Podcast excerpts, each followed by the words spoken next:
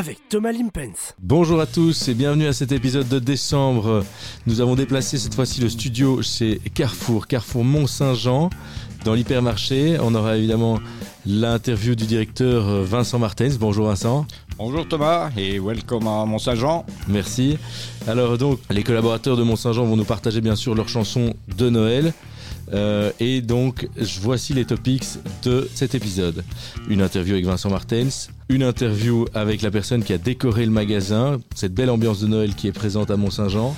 Euh, on aura un sujet Day in Store, savoir comment est-ce que euh, Vincent et son équipe gèrent les Day in Store venus de Zaventem. Ensuite, une rubrique sur la campagne marketing avec les produits extra de Noël. Enfin, on aura une interview d'un des membres du magasin pour nous parler du parcours client, un point très important pour les équipes et pour la direction du magasin. On annoncera également le gagnant du concours décoration de Noël qui nous a contacté par mail. Mais démarrons tout de suite en chanson. Je suis avec Myriam, hôtesse de caisse du magasin. Myriam, tu nous as choisi une chanson. Oui, j'ai choisi la chanson de Suarez et Maria del Rio, Feliz Navidad. Et pourquoi? Parce que j'adore cette chanson. Merci. Feliz Navidad. Feliz Navidad. Feliz Navidad, próspero año y felicidad. Feliz Navidad, feliz Navidad. Feliz Navidad, próspero año y felicidad. I wanna wish you a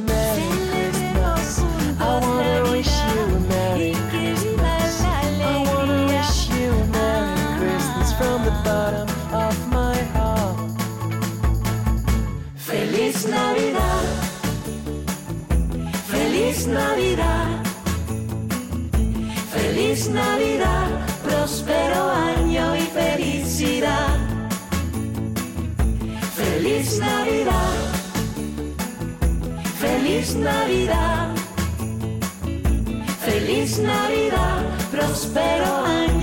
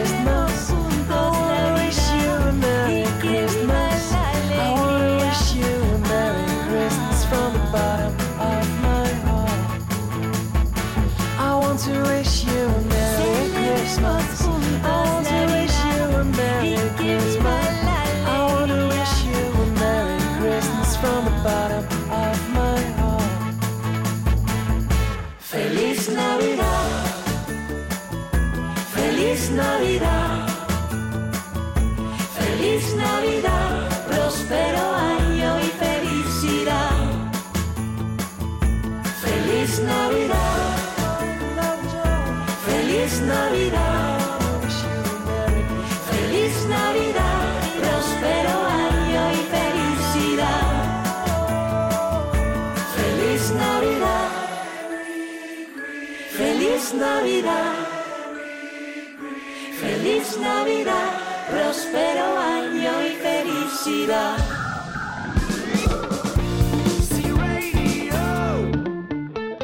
Acts to Connect. Je suis en direct du studio à Mont-Saint-Jean avec Vincent Martens, directeur du magasin. Vincent, merci de nous recevoir. En prix, Euh, Vincent, donc parle-nous un peu de toi, ton parcours chez Carrefour. euh, Raconte-nous un peu qui tu es. Euh, mon parcours chez Carrefour est assez long, hein, puisque ça fait déjà 38 ans, dé- démarré dans les services centraux, aux achats. J'ai fait du marketing, j'ai travaillé à l'époque de GB également pour euh, Globi en Pologne. Et puis maintenant, ça fait une bonne quinzaine d'années que je suis directeur de magasin, d'abord plutôt dans les magasins de Flandre, et puis depuis six mois ici dans le beau magasin de Mont-Saint-Jean. Eh bien, félicitations, quel beau parcours. Mhm. Euh, donc Vincent, on est ici pour parler des fêtes de fin d'année et plus précisément les fêtes de fin d'année que tu as installées à Mont-Saint-Jean avec tes équipes. Alors comment s'est passée l'installation des fêtes cette année? Oui, L'installation des fêtes cette année, bon, c'est un, un grand classique. euh, et c'est la, la plus belle période au niveau du, du magasin et de nos relations avec les clients. Maintenant, elle est un peu spéciale cette année-ci, vu un peu la période de crise que, que nous traversons. Euh, il faut montrer aussi aux, aux clients que nous avons des petits prix, qu'on peut fêter le fait de fin d'année aussi avec euh, des petits produits, des petits prix. euh, et là, la centrale nous a bien aidés puisqu'on a des produits splendides comme le, tartare de saumon à 2,99, euh, les, allez, les pommes sapins à 79 ou une bûche glacée à 4,99. Donc ce sont des, des prix, des petits prix splendides vraiment que nos clients vont apprécier cette année-ci. On sait que nos clients vont vouloir se faire plaisir euh, pour décembre, euh, c'est la période, mais ils le feront cette année en regardant un peu plus leur budget et c'est à nous de répondre à cette attente. Merci. Et donc, tu parles du, contexte actuel un peu de, de crise. Est-ce qu'il y a eu d'autres challenges que tu as dû, euh, que tu as dû rencontrer euh, lors de l'installation de tes fêtes? Euh, non, on a eu quand même, il faut reconnaître certains soucis logistiques, mais on a su euh, quand même les, les, contrer, certainement en présentant des, promotions plus alléchantes, plus intéressantes. Euh, on voit que nos clients sont vraiment à la recherche de toutes les promotions qui sont en 1 plus 1, 2 plus 2. Euh, ils sont vraiment venus des, des, chercheurs de promotion, ils viennent pour ça, et c'est à nous de, de les, bien les présenter, de bien les mettre en avant, euh, de manière à ce qu'ils les trouvent rapidement dans le magasin. Ok, top. Merci Vincent. Euh, on se revoit tout à l'heure pour la, pour la suite. Ok, merci. À Merci. bientôt. Salut. On accueille une nouvelle collaboratrice de Mont-Saint-Jean pour un- une chanson. Oui, bonjour. Voilà, je m'appelle Sarah. Je suis polyvalente euh, à la boulangerie. Voilà, je propose la All Island on Christmas de Darlene Love dans Maman, j'ai raté l'avion. Et parce que chaque année, on regarde, c'est un traditionnel.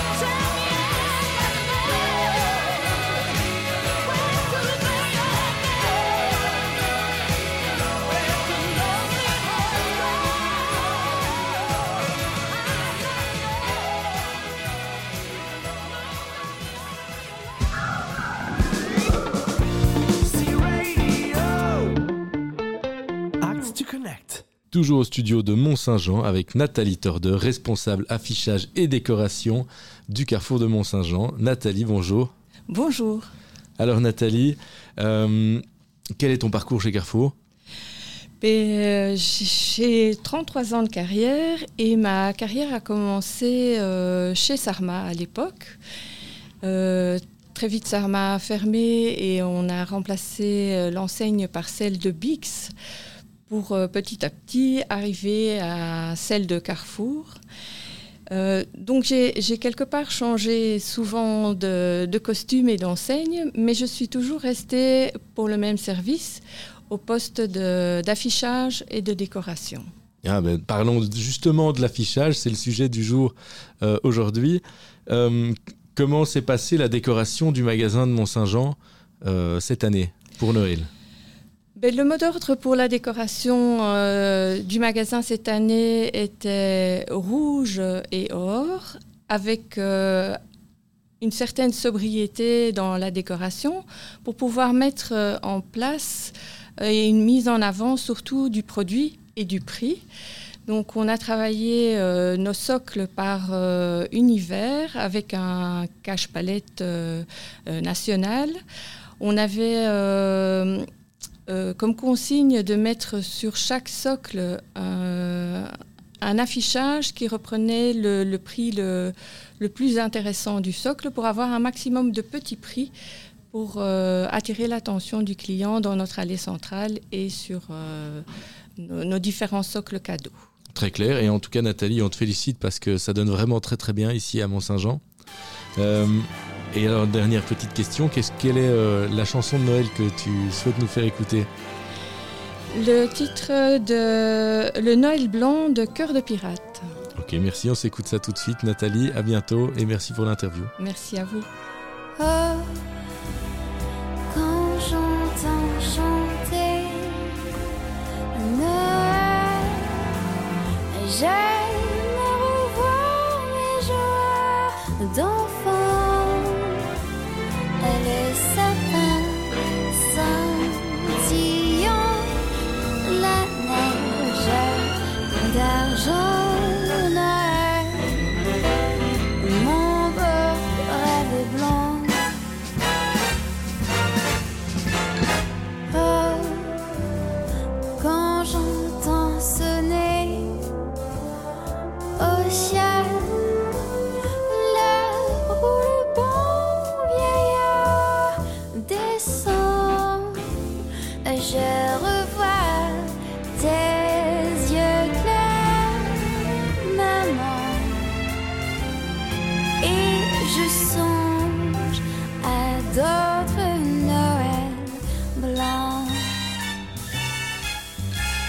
La nuit est pleine de chants joyeux, le bois craque dans le feu, la table est déjà garnie, tout est prêt pour mes amis, et j'attends l'heure où ils vont venir.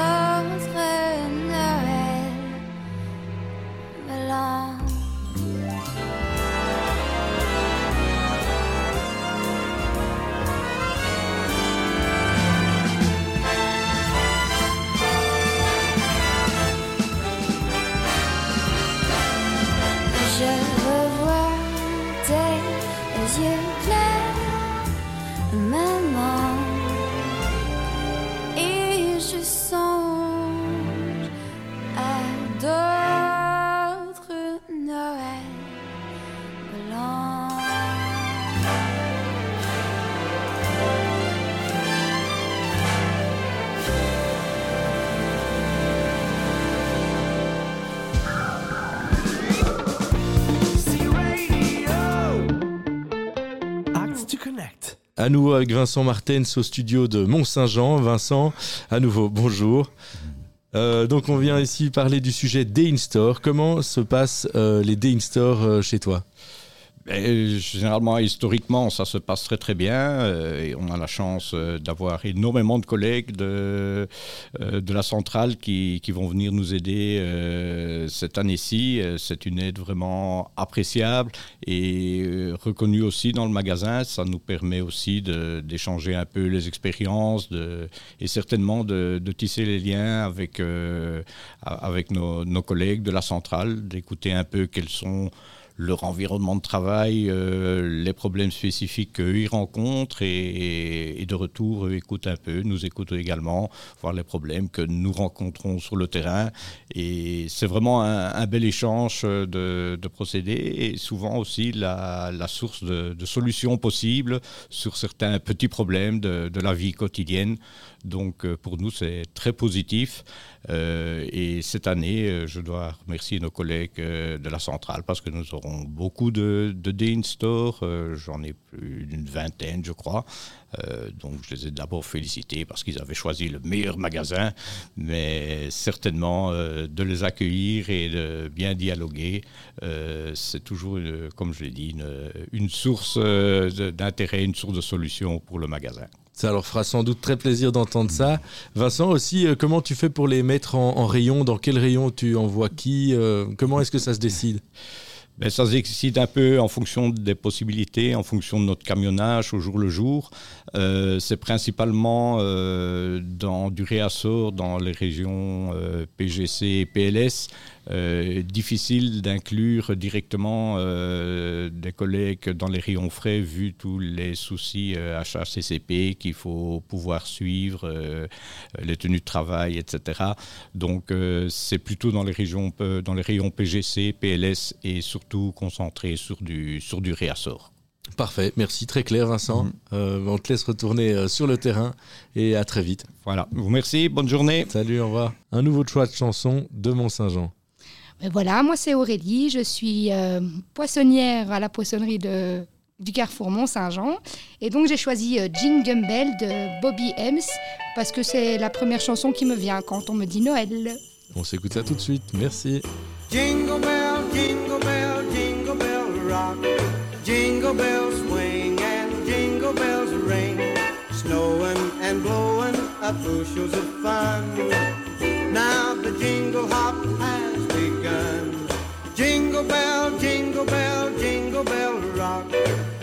Jingle bells chime and jingle bell time. Dancing and prancing in Jingle Bell Square in the frosty air. What a bright time! It's the right time to rock the night away. Jingle bell time is a swell time to go gliding in the one horse sleigh.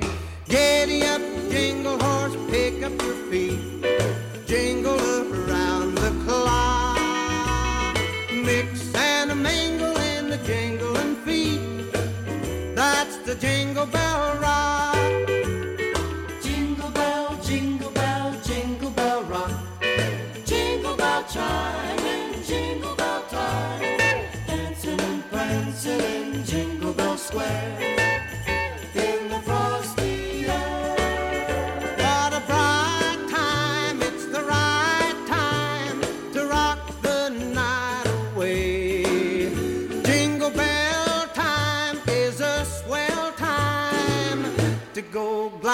In the one horse sleigh. Giddy up, jingle horse, pick up your feet.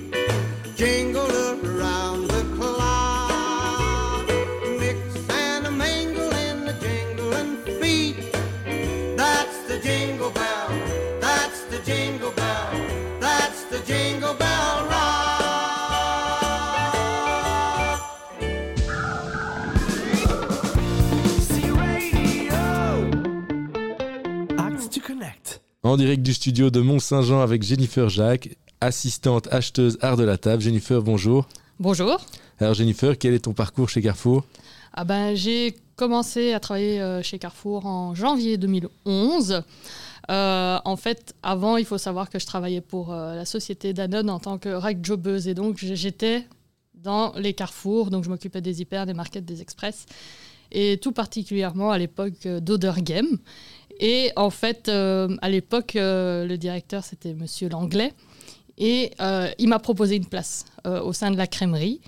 Et donc, j'ai commencé donc, en janvier 2011 euh, en tant que collaboratrice PLS à Oder Game. Et ensuite, bah, j'ai évolué et je suis devenue assistante crèmerie. Euh, plus tard, euh, sous la direction de Monsieur Jadot, je suis devenue euh, manager crèmerie, mais au carrefour euh, de Drogenboss. Et ensuite, euh, vers juillet 2016, je pense, euh, j'ai eu une possibilité euh, pour aller travailler aux services centraux. Et euh, donc, euh, j'ai j'ai passé mes tests. Et euh, donc, euh, j'ai commencé à la CCA, la Supply Chain, euh, avec euh, Anne Godot. Et euh, maintenant, après la restructuration, euh, je suis euh, devenue assistante acheteuse euh, bazar pour l'art de la table avec euh, Valérie Smet. Un parcours magnifique, euh, Jennifer, bravo. Euh, Jennifer, on est là pour parler du Day in Store, le Day in Store que tu fais aujourd'hui à Mont-Saint-Jean. Euh, comment s'est passé et comment s'est organisée ta journée? Ah ben, en fait, euh, comme euh, j'étais en magasin avant, ben, j'ai quand même quelques contacts euh, avec euh, mes anciens euh, collègues de, magasin, euh, dont euh, particulièrement euh, Monsieur Michel Joly, qui est euh, euh, manager commercial euh, food à Mont-Saint-Jean. En fait, il était mon tout premier chef euh, à Odergem. Et nous avons gardé de bons contacts. Et donc, je suis passée euh, par lui pour euh, venir une journée euh, à Mont-Saint-Jean en fonction des besoins du magasin et aussi en fonction des camions et, du, et du travail à faire. Quoi. Et donc tu as pu euh, retomber sur tes premiers amours de la crèmerie Bah, tout à fait, tout à fait. Quand euh, Michel euh, m'a dit bah, tu vas travailler cette année euh, en crèmerie, eh ben, je, je sautais de joie. Effectivement, vous avez volé mes mots, j'allais dire retourner à mes premiers amours. Effectivement. Parfait. Euh, et donc tu, tu viens chaque année faire tes Day in Store avec Michel? Mais je suis demandeuse, donc euh, dès que je peux et dès que c'est possible, par rapport aussi à mon travail que j'ai à faire euh, au bureau, euh, s'il y a un moment, je m'échappe et je passe une journée euh, en magasin. Ouais. Parfait. Alors, est-ce que tu, tu recommandes le Day in Store à, à tes autres collègues de Zaventem? Ah oui, bah, bien sûr. euh, je suis venant des magasins, je suis vraiment, je suis vraiment la première euh, à dire à tout le monde de faire une journée euh, en magasin euh, parce que à la fois c'est bien de voir ce qui se passe en magasin, la vie du magasin, euh, que ce soit le positif ou le négatif, prendre ce qu'il y a à prendre pour pouvoir réagir et travailler dessus en interne au bureau.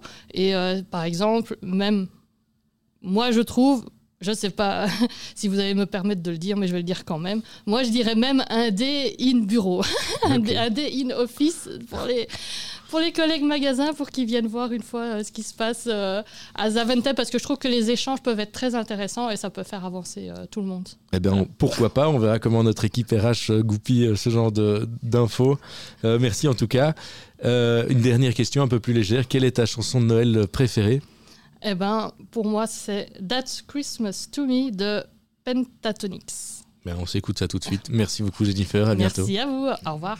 The fireplace is burning bright, shining all on me. I see the presents underneath the good old Christmas tree. And I wait on light till Santa comes to wake me from my dreams. Oh, why? Cause that's Christmas to me. I see the children play outside like angels in the snow. While mom and daddy share a kiss under the mistletoe. And we'll cherish all these simple things wherever we may be. Oh, why? Cause that's Christmas to me. I've got this Christmas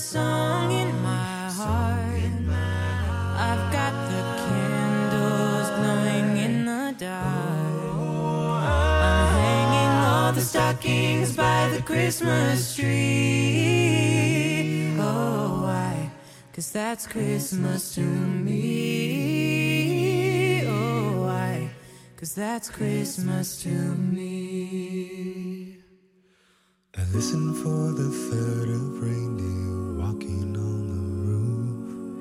As I fall asleep to lullabies, the morning's coming soon. Oh, the only gift I'll ever need is the joy of family. Oh, why? Cause that's Christmas to me. I've got this Christmas song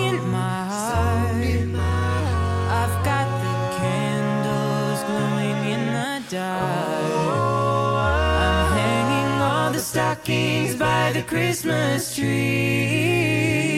Oh, why? Cause that's Christmas to me. Oh, why? Cause that's Christmas to me.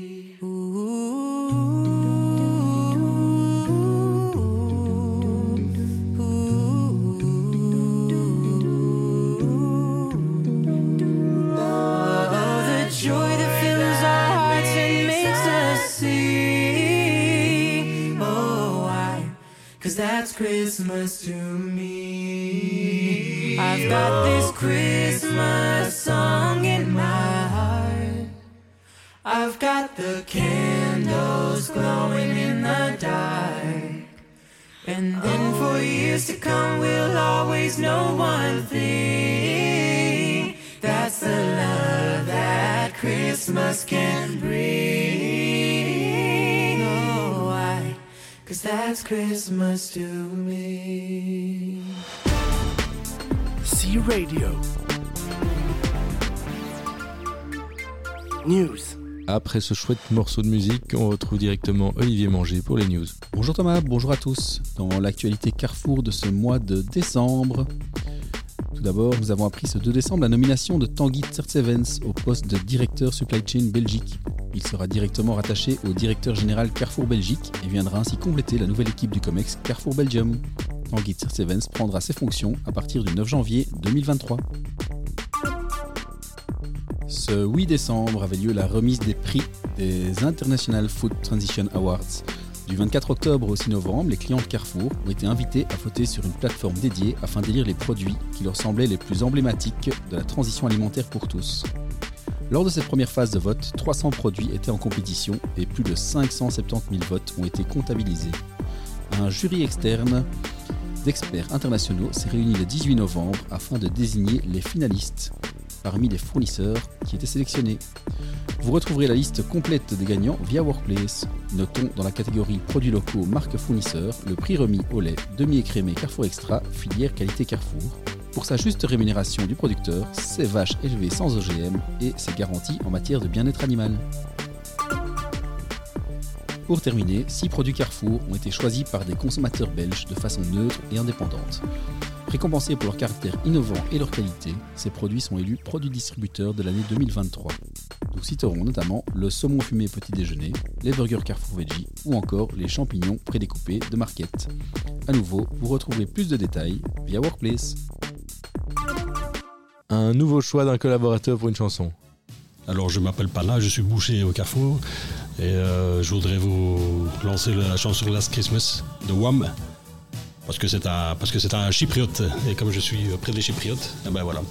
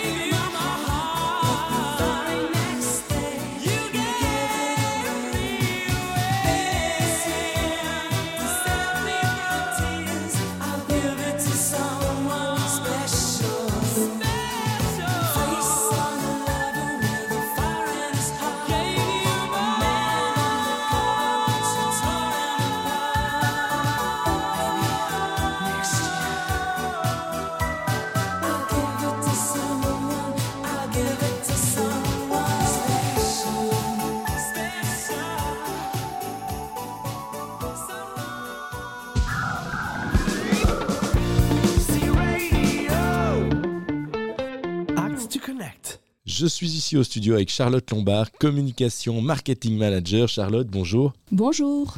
Alors Charlotte, euh, d'abord, quel est ton parcours chez Carrefour? Euh, donc moi, je suis arrivée il y a 12 ans maintenant chez Carrefour et j'ai commencé dans les folders en tant que chef de pub.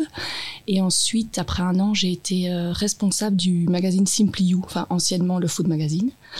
Et depuis 4 ans maintenant, j'occupe la fonction de responsable des campagnes euh, publicitaires. Un magnifique parcours.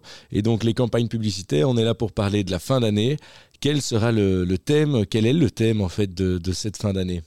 Donc, comme vous avez pu le voir un peu partout euh, cette année, on est parti sur des fêtes extra à prix ordinaire. Donc, on a voulu montrer que tout le monde pouvait passer des fêtes, des super fêtes, des belles fêtes sans se ruiner. Et on a mis en avant dans notre campagne euh, la gamme Carrefour Extra, les produits de Carrefour Extra, des super produits qualitatifs à petit prix. Ok, on voit énormément de spots télé actuellement. Euh, Qu'avez-vous de spécial cette année au niveau spot télé Alors cette année, en fait, on a demandé vraiment à de vrais Belges qu'étaient pour eux des fêtes euh, extra pour eux à petit prix, on va dire. Et pour être euh, ben, totalement authentique, on est sorti du schéma classique euh, des agences de casting et on était chercher des vraies familles, des vrais francophones, des vrais néerlandophones, des infirmiers sur leur, euh, sur le, dans leur bureau, euh, enfin, ou à l'hôpital, des groupes d'amis, des amoureux des animaux. Et pour être euh, encore plus proche de, ces, gens-là, des vrais Belges, on été filmé chez eux. Donc on n'a pas loué une maison ou euh, été en studio pour filmer les, les scènes, euh, les scènes pour le spot. Et donc qu'est-ce qu'on voit, c'est que le résultat, ça montre des petites tranches, des belles tranches de vie euh, teintées d'humour et beaucoup de tendresse, euh, des moments vraiment authentiques qu'on partage nous sur les réseaux sociaux par exemple. Et on a mis bien sûr des images où on voit nos produits de la marque de Carrefour en avant pour qu'on puisse montrer qu'on peut passer des fêtes extra à prix ordinaire. Et donc le résultat ben, est à en TV jusqu'à la fin de l'année et sur Workplace pour ceux qui, qui n'auraient pas la télé. Ok, Charlotte. Et donc on parlait de, de spot TV. Est-ce qu'il y a d'autres moyens de communication qu'a utilisé Carrefour cette année pour la fin d'année? Oui, bien sûr. Donc en fin d'année, ben, la concurrence est très rude. Donc on a un gros dispositif euh, média. Donc depuis euh, début décembre, chaque semaine euh, en rue, vous allez retrouver des abribus où on met en avant les produits de la gamme extra et d'autres grosses promotions ou du non-food comme PlayStation ou un super iPhone.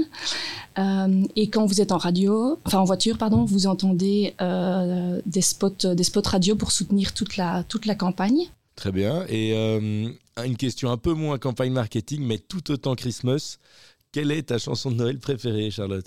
Euh, donc moi j'adore Happy Christmas de John Lennon, Lennon pardon, et Yoko Ono. Ah ben, on va s'écouter celle-là. So this is Christmas. And what have you done? Another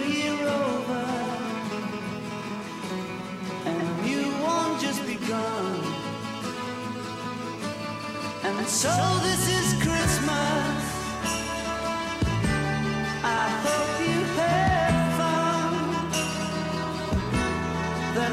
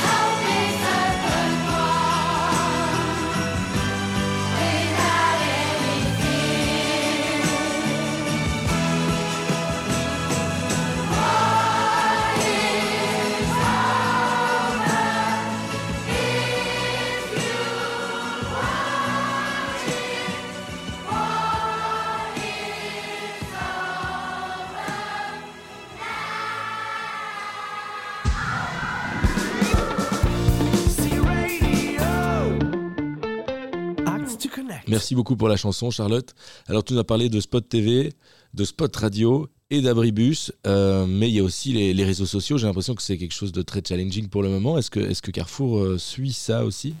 Oui, oui, bien sûr. Alors avec ma, collègue Céline, euh, on, a, ben, on, a, développé plein de, plein de, posts Facebook, Insta, TikTok, Pinterest, avec plein de formats différents euh, pour inspirer pour les fêtes, pour toucher les plus jeunes, les moins jeunes. Euh, et il y aura bien sûr toutes les déclinaisons ben, du spot TV et de toutes les promos. Euh, et aussi, il faut pas oublier dans toute la communication, c'est euh, la PLV en magasin, toutes les décos, toutes euh, les mobiles, etc., pour donner vraiment un vrai 360 pour une magnifique campagne et pour que les clients se, se, se sentent bien dans nos magasins. C'est important. Ça promet d'être magnifique, on en, on en voit déjà le résultat. Alors ensuite, comment peut-on, en tant que client, reconnaître un produit extra festif? Donc, euh, donc Carrefour a développé donc, tous ces, produits de, la gamme euh, extra festif. Ce sont donc des, plats préparés, des desserts, des, produits d'exception, surgelés ou frais. Et on peut les reconnaître facilement grâce à leur emballage festif. Euh, en fait, ils ont un petit logo Carrefour Extra qui est en doré sur fond blanc. Et en général, le pack a une a une, l'emballage a une ambiance assez foncée avec tous des petits éclats de lumière dedans pour bien les reconnaître en magasin. Normalement, ils seront bien balisés et vous les retrouverez assez facilement. Et j'espère qu'on fera des belles ventes. Alors maintenant, Charlotte, quel est ton produit préféré en extra festif? Alors moi j'adore, ce sont les mini croques sapins à la truffe. Euh, c'est un excellent petit apéro avec une petite touche euh, de truffe, c'est un délice, je le recommande. Je vais aller le tester. Merci beaucoup, Charlotte. Avec plaisir, merci. À nouveau à Mont-Saint-Jean avec une un nouveau choix de musique d'une collaboratrice. Bonjour, je m'appelle Noël, je suis polyvalente ici, donc euh, rayon caisse. Et quelle chanson as-tu choisi J'ai choisi Sail Away Et pourquoi? Parce que c'est en général la chanson que tout le monde chante quand on me voit. Version française évidemment, c'est Noël. Merci.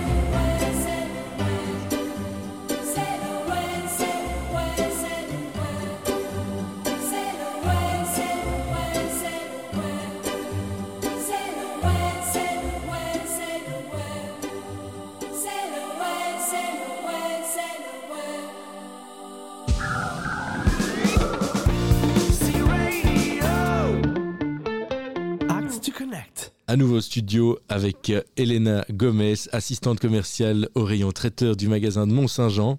Elena, bonjour. Oui, bonjour Thomas. Alors Elena, quel est ton parcours chez Carrefour? Alors chez Carrefour, ça fait bientôt 10 ans que j'y suis. Euh, j'ai commencé chez euh, Carrefour au rayon traiteur et depuis je suis restée euh, au rayon traiteur et j'adore ça.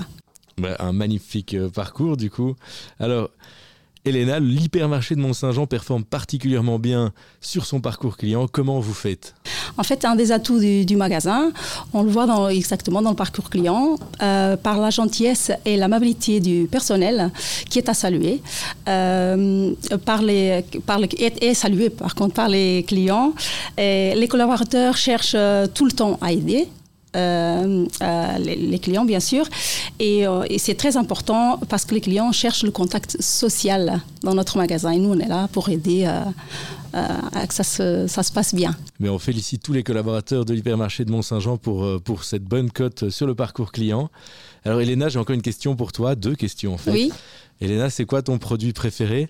Alors, euh, euh, cette année-ci, nous avons une nouveauté. C'est le boudin taille, donc un petit goût subtil piquant, euh, très très bon. Et alors, nous avons le pâté de Noël. hein. C'est un, un pâté euh, à la poire qui fonctionne du tonnerre dans notre rayon.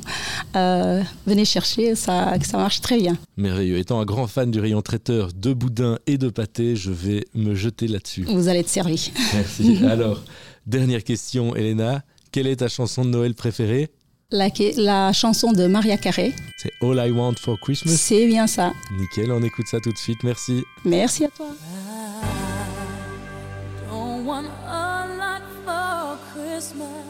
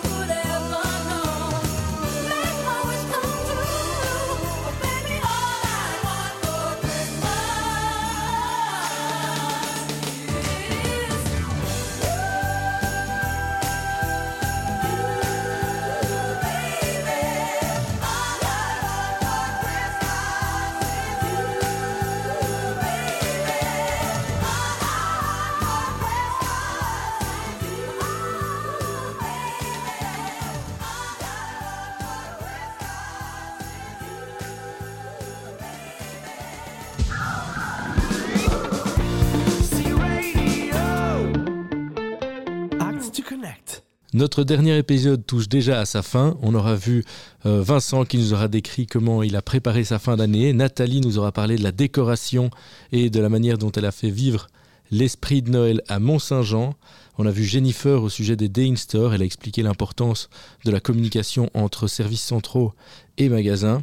On a eu aussi évidemment beaucoup d'infos sur les produits de Noël avec les produits extra festifs. Ensuite, Elena nous aura parlé du parcours client à Mont-Saint-Jean, l'importance de la satisfaction des clients euh, et aussi de certains produits festifs qu'elle affectionne particulièrement. Je termine en annonçant le gagnant du concours du mois dernier, Eve Gringor du carrefour de Curinghem qui nous a envoyé un beau montage photo de ses décorations de Noël sur hello underscore at carrefour.com. On se retrouve en 2023 pour un prochain épisode sur le thème de l'expansion. Euh, passez de bonnes fêtes et une bonne fin d'année. On écoute le dernier choix de chanson de la production, Santa Claus is Going to Town de Frank Sinatra. Merci à tous.